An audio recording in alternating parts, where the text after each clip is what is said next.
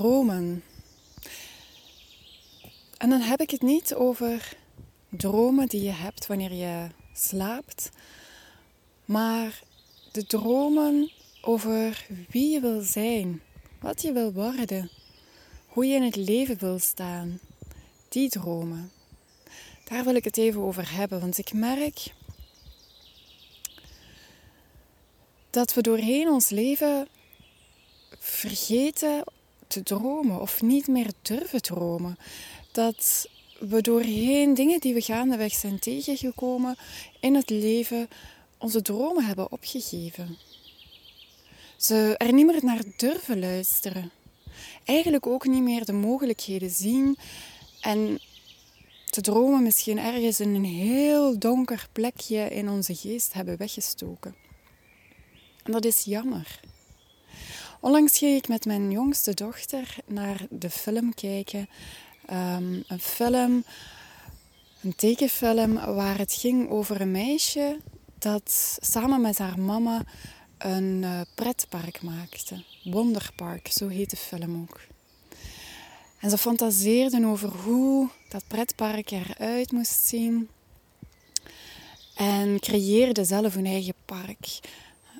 Heel het huis stond vol met alle mogelijke ehm, ja, leuke attracties. Maar op een goede dag wordt de mama ziek.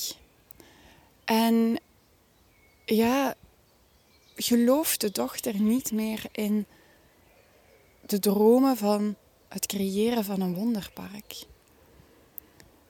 Alles steekt ze in een doos en steekt ze ver weg.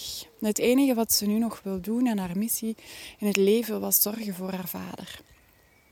Tot op een dag dat ze op kamp gaat en ze toch voelt, nee, ik mag niet op kamp gaan. Ik, ik, ik moet voor mijn papa zorgen. Dus ze, vertrekt en, en uh, ze, ze verzint een smoes om te ontsnappen. Um, en uh, ze komt in een bos terecht waar ze opeens geconfronteerd wordt met Wonderpark. Het bestond echt. Het was ontstaan uit haar fantasie en werkelijkheid geworden.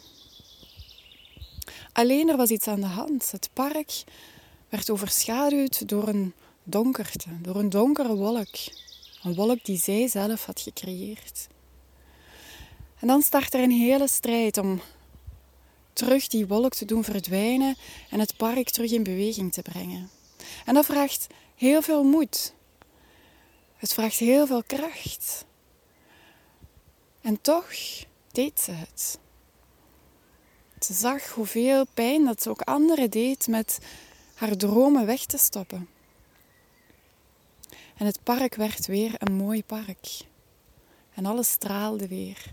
En toch bleef er nog een kleine herinnering aan die donkere wolk in de lucht.